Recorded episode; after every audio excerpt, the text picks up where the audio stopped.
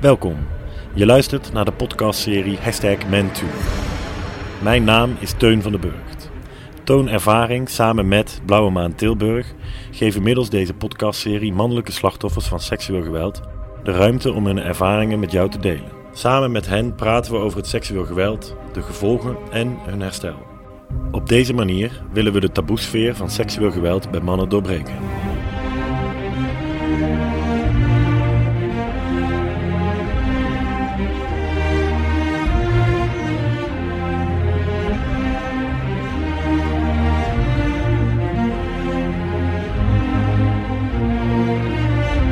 Welkom bij de podcast. Uh, vandaag spreken we met Misha. Misha, zou jij jezelf misschien even willen voorstellen? Ja, dat is goed. Ik ben Misha. Ik ben uh, 52 jaar. Ehm, al een hele tijd in zorg. Onder andere vanwege het seksueel misbruik waar we vandaag over gaan hebben. Flink bezig met mijn herstel en inmiddels ook ervaringskundige in zorg en welzijn geworden. Omdat ik het belangrijk vind om uh, de boodschap die ik heb, dat ik die uit kan dragen. Want je doet mee aan de podcast Hashtag waarin we praten over seksueel geweld bij mannen. Ja. Zou je willen vertellen waarom je aan deze podcast meedoet? Nou ja, ik, ik, had natuurlijk deze vraag al een beetje verwacht. En ik had zoiets van, vind ik het nou leuk om aan mee te werken? Maar eigenlijk is dat helemaal niet zo. Nee. Ik had liever gehad dat ik bij deze boodschap niet had hoeven brengen. Maar ik vind het wel heel belangrijk om uh, ja, hetgeen wat mij overkomen is, om dat uh, aan, met andere mensen te delen. En vooral om te hopen dat het, het taboe en stigma wat om de, dit onderwerp uh, heerst, om dat wat te verminderen. Nou, heel fijn dat je hier aan mee wil doen. Um, ja, om even bij een begin te beginnen. Um, zou je wat kunnen vertellen over jouw jeugd? Hoe was de kleine Misha? De kleine Misha. De kleine Misha moest helaas al heel vroeg groot worden. Ja? Ja. Um, we zijn vrij vroeg verhuisd vanuit uh, uh, Noord-Holland naar Brabant. En ja, dan hoor je er gewoon eigenlijk niet bij. Dus ik had al vrij snel een, een uitzonderlijke positie in de klas. in de dorp waar we zijn gaan wonen dat ja, maakt het lastig voor mij om, om veilig uh, te zijn en te kunnen spelen. Dus ik moest al vrij snel op mijn omgeving gaan letten van wat gebeurt er en waar voel ik me nog veilig. Thuis was het ook niet altijd veilig, we zijn veel verhuisd.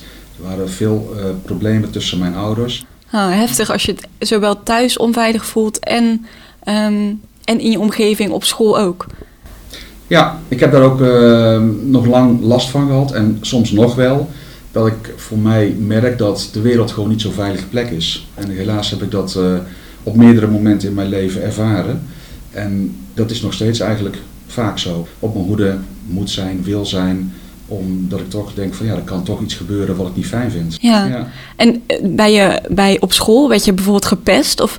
Ja, ik, ben, ik, hoorde, ik mocht nooit meedoen. Uh, werd echt vaak gepest, buitengesloten, in elkaar geslagen. Vanaf ja, ik denk vanaf mijn vijfde jaar ongeveer. Mm. Niet fijn meer uh, ontspannen een kind heb kunnen zijn. En die onveiligheid thuis, waar, waar merkte je daar dat die onveiligheid uh, er zat?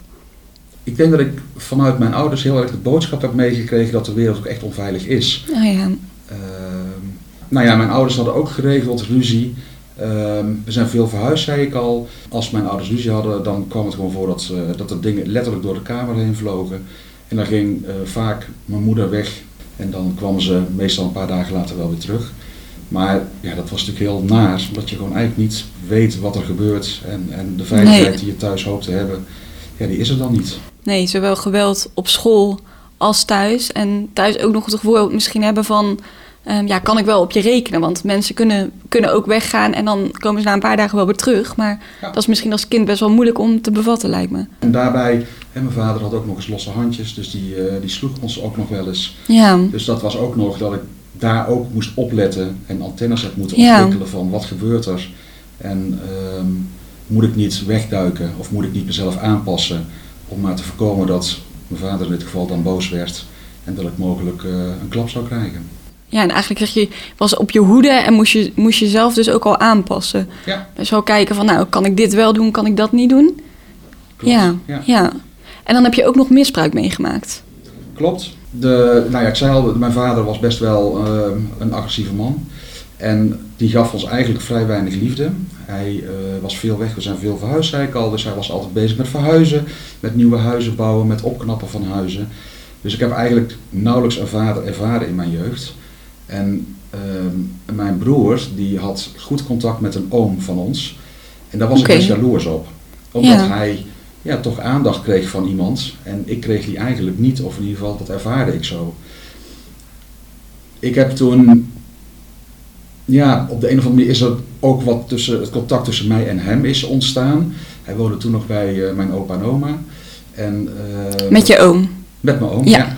En dat is eigenlijk de eerste keer geweest dat, dat, dat er iets van misbruik plaatsgevonden heeft. Ik weet nog heel goed hoe dat ging. We hadden eh, gefietst op zo'n zo'n soort wielrennerachtig Ja. ding in, op van die rollen. We waren natuurlijk bezweet en wij moesten douchen. En ik had echt zoiets van, ja, maar ik ga echt niet met hem onder de douche. Dat vond ik gewoon echt niet oké. Ik had zoiets Ja. van, ik was een jaar of 10, 11. En niet dat ik me echt schaamde, maar ik had wel zoiets van, nou, ik wil dit eigenlijk niet. En dat heb ik ook aangegeven. Maar ik weet nog heel goed dat mijn oom moeten zijn, nee, je gaat gewoon met hem onder de douche. Stel je niet zo aan, je doet dat gewoon. Nou ja, echt op brullens toe, maar ik had echt zoiets van, ik wil dit niet. Maar goed, we moesten toch onder die douche. En daar is het eigenlijk de eerste keer eh, gebeurd dat, dat hij aan mij zat en ik hem moest wassen, zeg maar. Ehm, ja, dat was wel iets anders dan ik eh, gehoopt had, wat Ja. ik gedacht had. Ik hoopte aandacht te krijgen van iemand.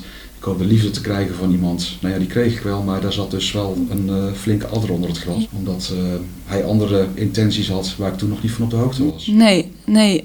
Nee, moeilijk als, als je denkt, oh ja, iemand is een leuk persoon, ik wil er graag aandacht van. en dan gebeurt er dit.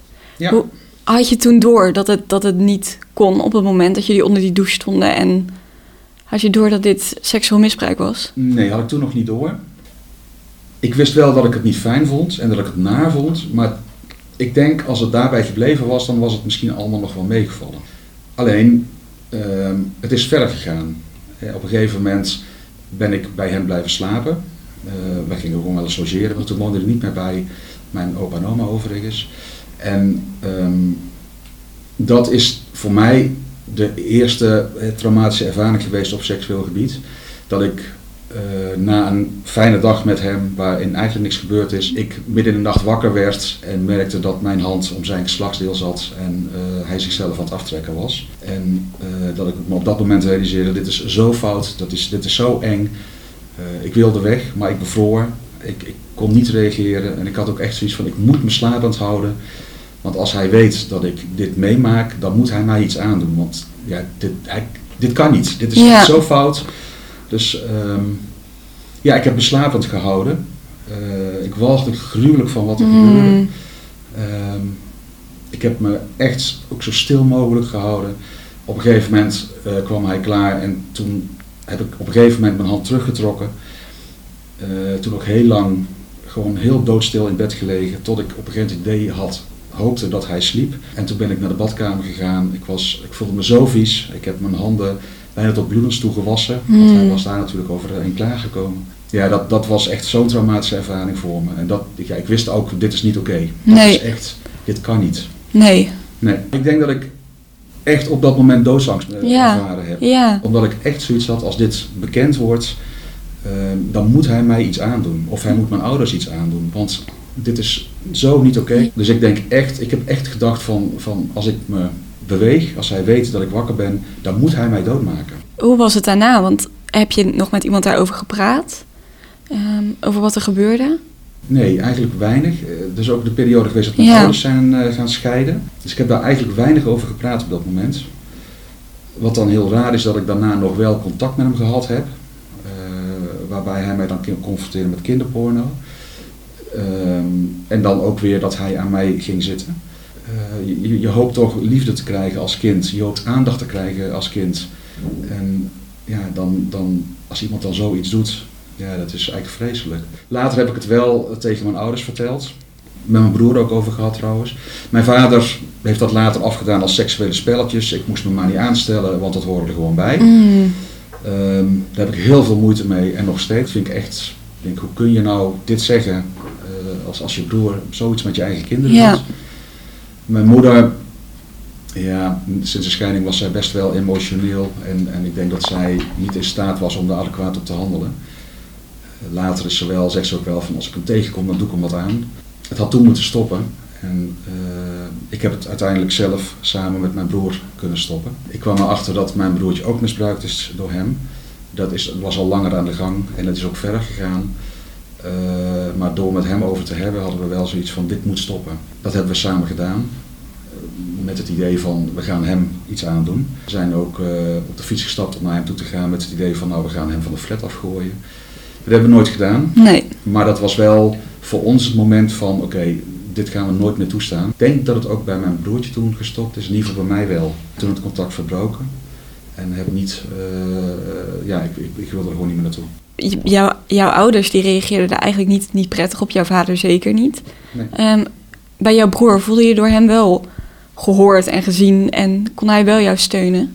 Ik was dan de oudste en ik denk wel, ja, wat dat natuurlijk in mijn verhaal al vaker komt, ik heb heel snel uh, de volwassen rol moeten aannemen. Dus ik denk dat ik vooral voor hem ben gaan zorgen en uh, dat ik daarbij mijn eigen behoeftes ook weer aan de kant zette. Maar het heeft me wel gesteund door ja, met hem dit te kunnen bespreken en samen wel ook te kunnen overleggen, ja, dit is echt niet oké okay wat hier gebeurt. Nee. Het is zo lastig als je rond je puberteit zit en iemand confronteert je als kind met volwassen seks. Dat, dat roept heel veel dubbele gevoelens op. Dat maakt het lastig. Dus dat heb ik wel met hem kunnen delen. En ik denk dat we daarom ook samen hebben kunnen stoppen.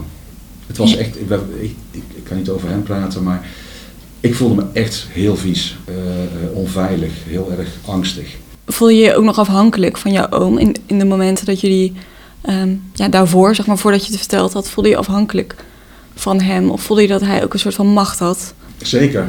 Kijk, wat, wat, wat lastig is als iemand uh, waar je eigenlijk veilig bij zou moeten voelen ja. of zou moeten kunnen voelen, uh, op zo'n moment over die grenzen heen gaat. Ja. Dan heeft hij natuurlijk een bepaalde macht als volwassen. Ja. En, en ik had gewoon gehoopt dat ik van hem als, als een oom, als een familielid aandacht zou krijgen en liefde zou krijgen. Maar ik had nooit uh, verwacht dat, het, dat, dat dit zijn Ja. intentie was. Dus ja, ik voelde me absoluut. ja, hij, hij, hij, was machtig. Ik was afhankelijk van hem. Hij was Ja. een volwassene. En iemand kan soms aardig zijn en iemand doet ook dit.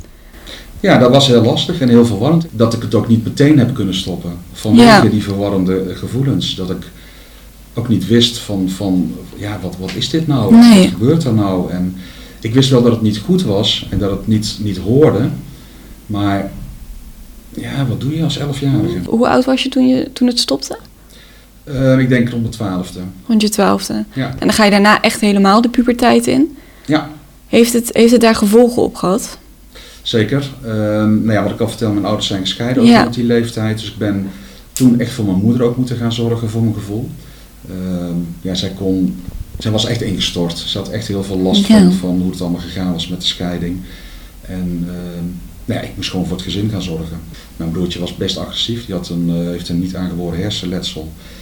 Die kwam weer thuis wonen, omdat hij, terwijl hij eigenlijk heel lang uit huis geplaatst was geweest vanwege zijn uh, problematiek. Hè, als als 12-jarige ehm, ja, moest ik zorgen dat alles bleef draaien. ja. Dat, dat er eh, structuur kwam, dat er reparaties gedaan worden, dat soort dingen heb ik toen gaan doen. Dus ik ben heel erg gaan zorgen voor anderen. Ja. Waarschijnlijk ook met het idee van, dan hoef ik niet voor mezelf te kopen, te zorgen. Ja. Dan, dan hoef ik niet te voelen wat er werkelijk gebeurd is. Ook als een soort van afleiding eigenlijk bijna. Zorgen voor anderen, zodat, jouw eigen, zodat je niet aan je eigen problemen eh, hoeft te denken. Ja. Ja. En alle verantwoordelijkheid die je ook voelde. Het klinkt alsof er best wel een zorg op jouw schouders hing, omdat ja, andere, eh, ja, jouw ouders toen niet in staat waren om echt voor jullie te zorgen. En jij eigenlijk voor hen moest zorgen. Klopt. Ja. Ja, En ehm, dat hield ik natuurlijk niet vol. Ook al was het Nee. wel een, eh, een manier voor mij om om te gaan met, met het verdriet en de, de angst die ik eh, meegemaakt had. En al vrij vroeg ben ik daardoor ook zelf in contact gekomen met de kinderbescherming. Ik heb eh, een brief geschreven naar de kinderbescherming. In eerste instantie voor mijn zusje, omdat het daar niet goed mee ging. Maar al vrij snel prikten ze daar doorheen en zeiden ze van... hé, hey, wat gebeurt er eigenlijk met jou? En ben ik individuele gesprekken gaan krijgen met iemand van de kinderbescherming. Ja, Was heel fijn. Ehm, we hebben het nooit over het seksueel misbruik gehad. Dat, ehm, ja, daar kon ik toen nog niet bij, denk ik. Eh, maar wel over wat er met mij gebeurde op school, het pesten, mijn ouders, eh, de situatie thuis. Daar hebben we het vooral Ja. over gehad. Het heeft me op zich wel geholpen dat ik eh, door kon. Maar ja, uiteindelijk toch niet, denk ik. In ieder geval niet voldoende. Ik ben vrij vroeg uit huis gegaan. Dat zorgen zat zo in me dat ik ook gezegd heb, ik wil verpleegkundige worden. Dus ik ben in Eindhoven gaan studeren. En ik ben die opleiding gaan volgen en eigenlijk ben ik daar vrij snel vastgelopen. Ik merkte dat het niet goed met me ging, dat er een heleboel dingen te dichtbij kwamen. De, de, dingen die ik zag bij anderen, die voelde ik ook. Dat heeft op een gegeven moment geleid dat ik uh, toen naar het RIA gegaan ben, maatschappelijk werk. Om daar te gaan praten van, god, het gaat echt niet goed met me. Ja. Ik, uh, ik weet niet wat ik moet doen, ik, ik loop vast, ik, ik, ik, kan niet meer, ik ben moe. Uh, help mij alsjeblieft. Wat, ja, wat mooi dat jij zelf een brief hebt geschreven aan de uh, jeugdbescherming. Uh, en nu ook zeg maar, ja, zelf om hulp vraagt. Ergens is het ook wel heel krachtig, denk ik, Ja. dat dat uh, in mij gezeten heeft. Het heeft er altijd wel in gezeten. Ja, Ja, ja. Gelukkig wel. Ik denk dat, dat als ik dat niet had gehad, dan had ik eh, er nu niet bij gezeten. Ja. Dus ik ben inderdaad vrij vroeg hulp gaan zoeken. Die heb ik ook wel gekregen. Alleen mijn problematiek bleek wel dermate ernstig dat dat eh, gewoon te zwaar was voor één keer in de week een half uurtje een gesprek. En ik ben op een gegeven moment echt in Eindhoven gaan wonen, ehm, op kamers, echt vrij. Maar ik kwam bij in aanraking met, met andere mensen die ook problemen hadden. En voor veel mensen was in die tijd drugs een eh, uitlaatklep. Heb ik even, letterlijk en figuurlijk aan gesnoven. Maar ik had zoiets van, dit is niet mijn weg. Maar langzaamaan ging het wel steeds slechter met Ja. me. Ik werd echt eh, heel depressief. Ik wilde eigenlijk gewoon niet meer leven. En ik had zoiets van, als het zo verder gaat, ja, dan hoeft het voor mij niet meer. hoe voelde dat, ja, die, die depressie voor jou? Ik voelde me vooral heel erg gefaald hebben. Dat ik, eh, ik had altijd voor anderen gezorgd, Ja, maar ik kon niet voor mezelf zorgen. voelde dat als falen? Ja, ja. Ik merkte dat ik echt beter voor een ander kon zorgen dan voor mezelf. En, en, maar vooral niet te hoeven voelen eh, wat er allemaal met me gebeurd was. Om daar niet bij te komen. Ja, en steeds onderdrukken lijkt mij ook best wel vermoeiend. Heb je dat zo ervaren? Ja, toen niet. Nu, nu Nee. weet ik dat ik dat wel gedaan heb, maar Ja. toen zag ik dat niet zo. Nee, Toen was ik vooral bezig, eh, denk ik, letterlijk met overleven. ja. En, en eh, maar proberen zo goed mogelijk mezelf staande te houden. En ja, op een gegeven moment heb ik ook weer mezelf laten opnemen in een psychiatrisch ziekenhuis. Omdat ik echt merkte van ik kan mezelf niet meer vertrouwen. En als ik niks doe, dan, eh, ja, dan sta ik niet voor mezelf in. Echt suicidaal toen, dus ik wilde niet verder leven. Maar ergens ook wel van, is dat nou wel echt zo? Of wil ik, wil ik gewoon niet zo verder leven? Ik had natuurlijk wel in de verpleging eh, het een en ander gehoord over psychologie. Dus ik kon dat op mezelf ook wel toepassen. Dat ik dacht van, misschien wil ik niet dood, maar wil ik niet zo leven. En daarom heb ik mezelf dus vrijwillig laten opnemen. Dat heb ik toen twee jaar volgehouden. Dus ik ben twee jaar lang opgenomen geweest. En ehm, daar hebben we van alles eh, gedaan om, eh, ja, om er bovenop te komen. Ik merkte wel dat daar veel mensen, veel jongeren waren die ook problemen hadden. En ik voelde me daar wel gezien en ik voelde me wel gehoord daar. Dus eigenlijk is dat ook wel een hele fijne periode geweest in mijn leven. Er was aandacht voor waar ik tegenaan liep. Er was ook aandacht voor het stukje seksueel misbruik wat er gebeurd was. Eh, er was aandacht voor de situatie thuis. En vooral er was aandacht van hoe kon, kan ik mijn leven nou weer gaan Ja. leven. Ja, zo'n depressie klinkt ook hopeloos, toch? Een beetje dat je denkt, ja, er moet, een, er moet een einde aankomen, want zo wil ik niet verder leven. En dit klinkt ook alsof, alsof er wat meer hoop kwam. Andere mensen die je misschien begrepen. Ehm, wa- was dat zo? Voelde het ook meer... ehm, ja, voelde je dat je meer hoop kreeg? Ik kreeg zeker meer hoop. Het was daar zo dat je, die werd daar opgenomen en er gingen ook mensen weg. Continu dat er een verloop was. Dus je zag mensen die in een, bij wijze in een crisis binnenkwamen tot mensen die weer relatief goed weggingen. Dus Ja. dat heeft me ook heel veel hoop gegeven. Hoe is het daarna verder gegaan? Want uiteindelijk ben je daar dus ook... Hè, is er, ging het ook beter met jou, denk ik? Klopt. Ben je daar toen weer weggegaan? Ja, na twee jaar ben ik daarna weggegaan Ja. en ben ik mijn leven weer gaan opbouwen. Ik wilde altijd in de, de verplegingen, ik had zoiets van ja, dat kan ik niet aan. Dat is, dat is te confronterend voor me, dus ik ben iets anders gaan doen. Dus ik ben een nieuwe opleiding gaan volgen en ehm, ben daarna gaan werken. Eigenlijk is dat best goed gegaan. Alleen ik merkte toch iedere paar jaar dat het fout ging met me. Dus zat ik Mm. weer thuis met een burn-out. Eh, was ik overspannen? Kon ik het allemaal niet meer aan? Was ik somber? Was ik eh, verdrietig? Was ik overspoeld? En dan ging ik weer weg. Dan ging ik weer op zoek naar nieuw, iets nieuws. Ja. Een nieuwe relatie, een nieuw werk, een nieuwe uitdaging. Tot een jaar of veertig heb ik dat zo volgehouden dat ik om de paar jaar uitviel. En dat ik eigenlijk niet zo goed wist wat er aan de hand was. Tot ik mijn laatste burn-out heb ongeveer tien jaar geleden en dacht van hé, hey, maar ik zie nou een patroon. Ja, Dit is iets wat me continu overkomt. Ik kan op een gegeven moment weer verder. Op een gegeven moment lukt het me al niet meer. En dan loop ik weer vast. ja, Toen had ik zoiets van, ik moet nu door. Ik moet toch weer therapie gaan krijgen. Om te kijken wat er nou nog steeds bij me speelt. want dat heb ik toen gedaan. Want dat gevoel van, je zei in het begin, ik voel me eigenlijk, voelde me toen constant onveilig. Al die gevoelens, had je dat toen nog steeds, zeg maar? Had je nog steeds ook het gevoel, ik moet de hele tijd op mijn hoede zijn? Ja, dat is eigenlijk nooit weg geweest. Alleen, ik denk dat ik allerlei maniertjes had ontwikkeld om daar minder last van te hebben. En maniertjes die ik in eerste instantie zelf niet door had. Wat ik al vertelde, het misbruik bij mij, dat wat echt eh, eh, indruk op me gemaakt heeft, heeft s'nachts plaatsgevonden. Slapen is voor mij nog steeds, maar ook in die periode gewoon een, een lastig iets. En wat ik dan deed, was gewoon s'nachts mijn kamerdeur op slot draaien. Omdat ik dan niet hoefde te voelen dat ik onveilig was. Ja, Dus ik ging allerlei eh, maniertjes bedenken om niet te hoeven voelen dat ik eigenlijk heel onveilig was. ja, Of mij heel onveilig voelde. ja. En een soort van eigen veiligheid weer creëren met de deur op slot doen en Ja, misschien dingen uit de weg soms gaan. zeker. Ik was heel vermijdend. Hoe voelt het om steeds eigenlijk op je hoede te zijn?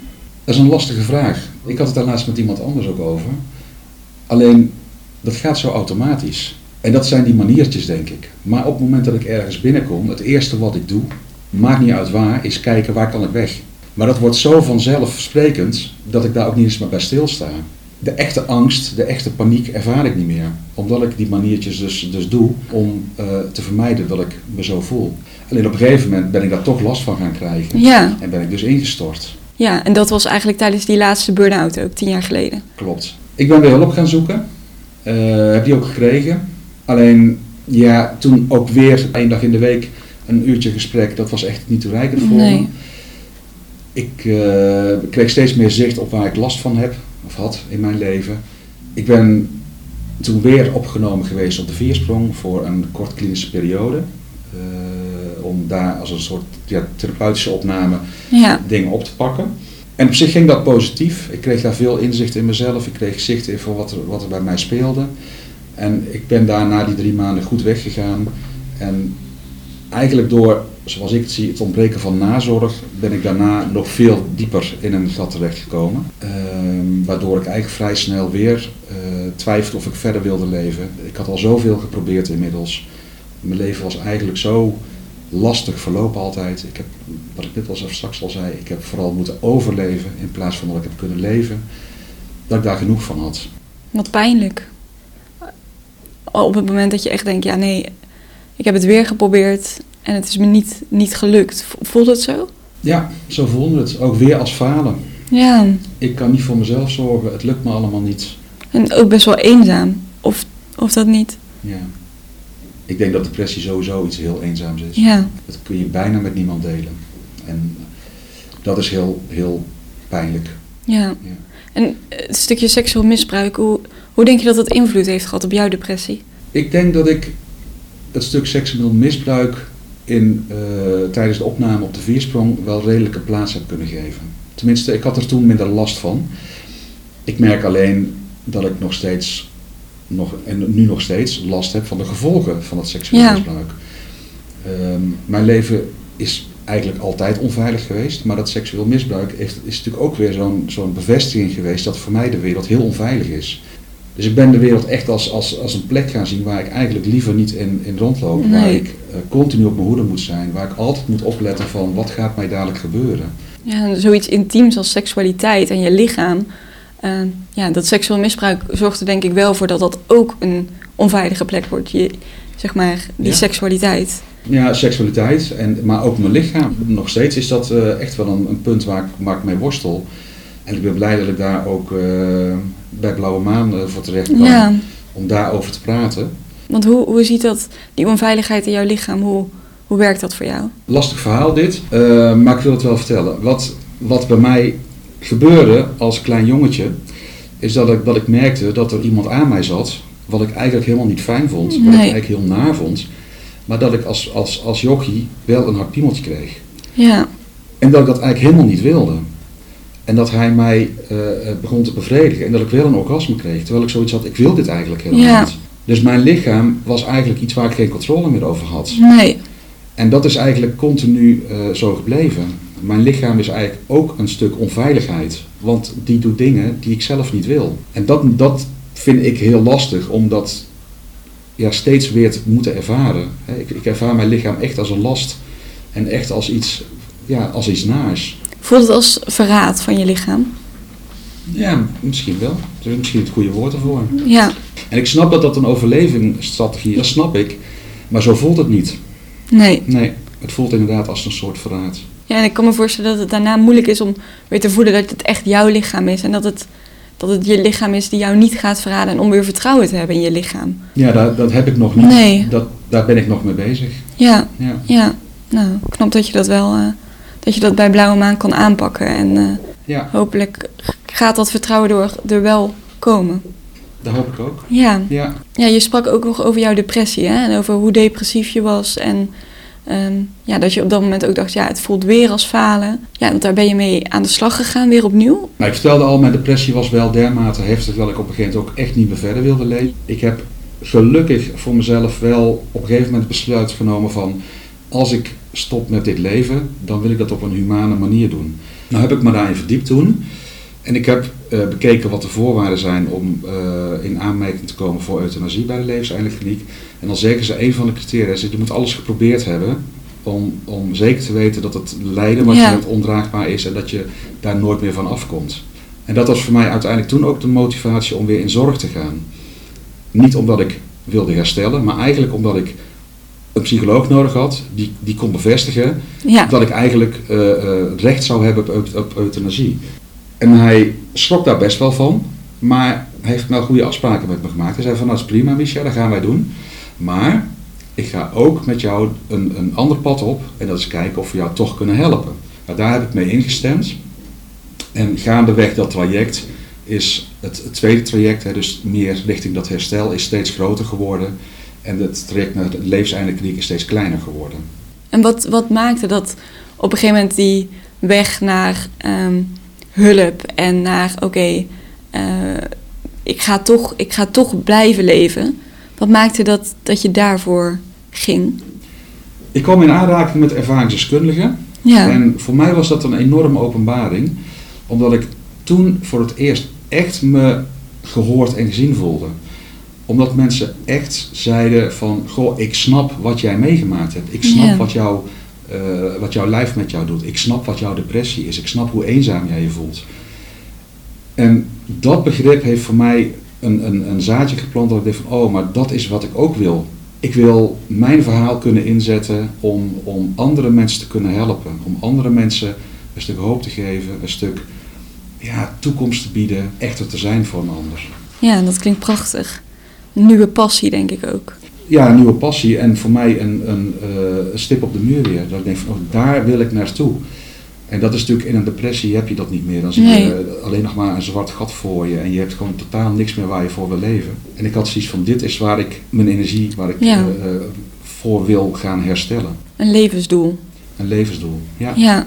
Merk je ook dat er, wanneer je met ervaringsdeskundigen praat, dat er, een, dat er minder een taboe is op seksueel geweld? In deze podcast bespreken we onder andere dat er een taboe vaak heerst op seksueel geweld. Merkte jij daarin een, merkte jij een taboe eh, in je leven en merkte je dat dat minder was bij ervaringsdeskundigen, omdat je daar je erkend voelde? Zeker. Ehm, dat is ook, ook een van de dingen die ik graag mee wil geven in deze podcast.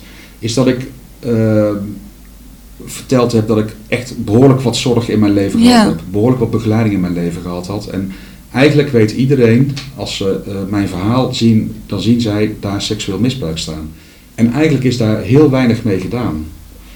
Er is altijd veel meer gepraat over ehm, de andere dingen die veel makkelijker waren. Depressie, eh, eh, het, het niet kunnen werken, het niet kunnen functioneren op bepaalde dingen. Daar is het vooral over gegaan. Ja, En dat is wat ik, wat ik heel erg gemist heb. Ik, zat, eh, ik zit nog steeds in reguliere zorg, maar ook daar is het nog steeds lastig om dit echt te bespreken. Op een gegeven moment is er een ervaringskundige geweest die, die zelf niet eh, met seksueel misbruik in aanraking is geweest, maar wel de juiste vragen wist te stellen aan me. Die mij echt vroeg van, goh Misha, wat heeft dat nou met je gedaan? Ja. Wat, wat is nou de impact op jouw leven daarvan? En daar was ik zo blij mee dat ze dat eigenlijk vroeg.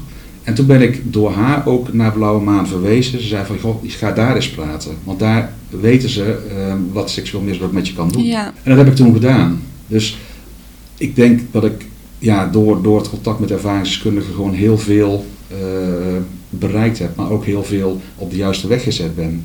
Ja, je vertelde dat, um, ja, dat hulpverleners eigenlijk over heel veel onderwerpen spraken, maar niet over het seksueel geweld. Het lijkt me daardoor ook nog moeilijker om het bespreekbaar te maken. Als je weet van nou, mensen zien het, maar uh, ja, dat onderwerp wordt steeds vermeden. Um, heeft dat ook nog invloed bij jou gehad, omdat dat onderwerp soms zo vermijd werd? Zeker weten. Um, het, het, bevestigde voor mij het beeld dat ik hier eigenlijk niet over mocht praten. Ja. Hè, de, ze noemen dat dan stigma en, en dat, dat is heel lastig. Kijk, de cijfers spreken voor zich. En uh, natuurlijk is seksueel misbruik iets wat vooral uh, bekend is bij vrouwen. Maar ook bij mannen komt dat voor. En meer dan dat wij denken. Er zijn cijfers die, die zeggen dat toch 2 tot 4 procent van de mannen in hun leven te maken heeft gehad met seksueel misbruik. En dat is veel minder dan bij vrouwen. Maar het is ook de vraag of die cijfers wel kloppen. Want nog steeds heerst het, idee dat een, een man of een jongen moet sterk zijn, die moet alles zelf kunnen oplossen, die moet niet zeuren, die moet doorgaan. Dus het kan best zijn dat die cijfers nog veel te laag zijn. En ik denk dat de manier waarop daar ook binnen de hulpverlening mee omgegaan wordt, dat alleen maar bevestigt dat daar ook uh, niet over gesproken mag worden. Heb je tips voor uh, hulpverleners of uh, überhaupt mensen die iemand in hun omgeving kennen die ja, seksueel geweld meemaakt? Zeker. Um, dan komen we denk ik een beetje toch op de boodschap die ik wil meegeven naar ja. aanleiding van mijn verhaal. Is dat ik denk dat het heel belangrijk is dat wij over seksueel misbruik veel meer open gaan zijn. Uh, binnen de hulpverlening. Ik heb dat uh, een tijdje terug cijfers over opgezocht. En het blijkt dat ook mensen die psychische problemen hebben, dat daar maar 30% van de mensen daadwerkelijk de zorg en de hulp krijgen die zij nodig hebben. Ja. Dat de hulpverleners eigenlijk ervan uitgaan dat als dit een punt is voor mensen, een probleem is voor mensen, dat zij daar zelf mee komen. Terwijl eigenlijk blijkt dat 80% van de mensen met een psychische problematiek op seksueel vlak daar niet zelf mee komt. Nee. Dus ik denk dat wij uh, als samenleving, maar ook als, als zorgverlening, hier gewoon van dat taboe af moeten. En Ja. dat we seksualiteit iets moeten maken waar veel makkelijker over gepraat kan worden. Ik denk dat heel veel mensen seksualiteit iets, iets intiems vinden, iets persoonlijks vinden. En dat daardoor misbruik ook gewoon iets, iets, iets is wat ook uh, in de taboesfeer blijft. En dat vind ik heel erg. Ik denk dat we seksueel misbruik nooit kunnen uitsluiten. Ik denk dat dat altijd zal, zal blijven plaatsvinden. Maar de manier waarop daarmee omgegaan wordt, kan misschien wel heftige trauma's voorkomen. En ik denk dat dat is door binnen de hulpverlening, maar ook binnen gewoon de samenleving, dat wij op een andere manier met seksualiteit moeten omgaan. Zonder seksualiteit is er geen leven. Seksualiteit hoort bij het leven. Van, van de geboorte tot aan de dood is seksualiteit een onderdeel van ons. Laten we daar ook gewoon naar kijken en laten we daar met elkaar over in gesprek gaan, zonder dat we dat, dat uh, niet kunnen bespreken omdat we dat uh, uh, taboe vinden of dat we dat eng vinden. Ja. En misschien is het eng, maar we maken het ook eng. Dus praat erover. Hè? En vraag, mocht je het idee hebben dat iemand seksueel geweld meemaakt, vraag daarnaar door bijvoorbeeld te vragen van, goh, heb je ooit iets vervelends meegemaakt op seksueel gebied? Um, is dat... Um... Ja, dat, dat, dat is zeker daar een vorm van. Ja. Maar ik denk dat het nog verder gaat.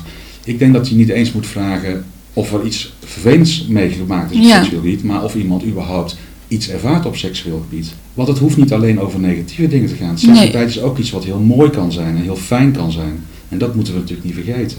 En dat we daarmee, door open te zijn, ook naar kinderen, dat we ook veel sneller leren aan, aan, aan iedereen wat wel en wat niet kan. Ja, En dat er, als er iets gebeurt, dat dat ook gewoon besproken kan worden. En dat daar niet eh, gedaan wordt van het is er niet geweest of het zijn seksuele spelletjes. Het is grensoverschrijdend.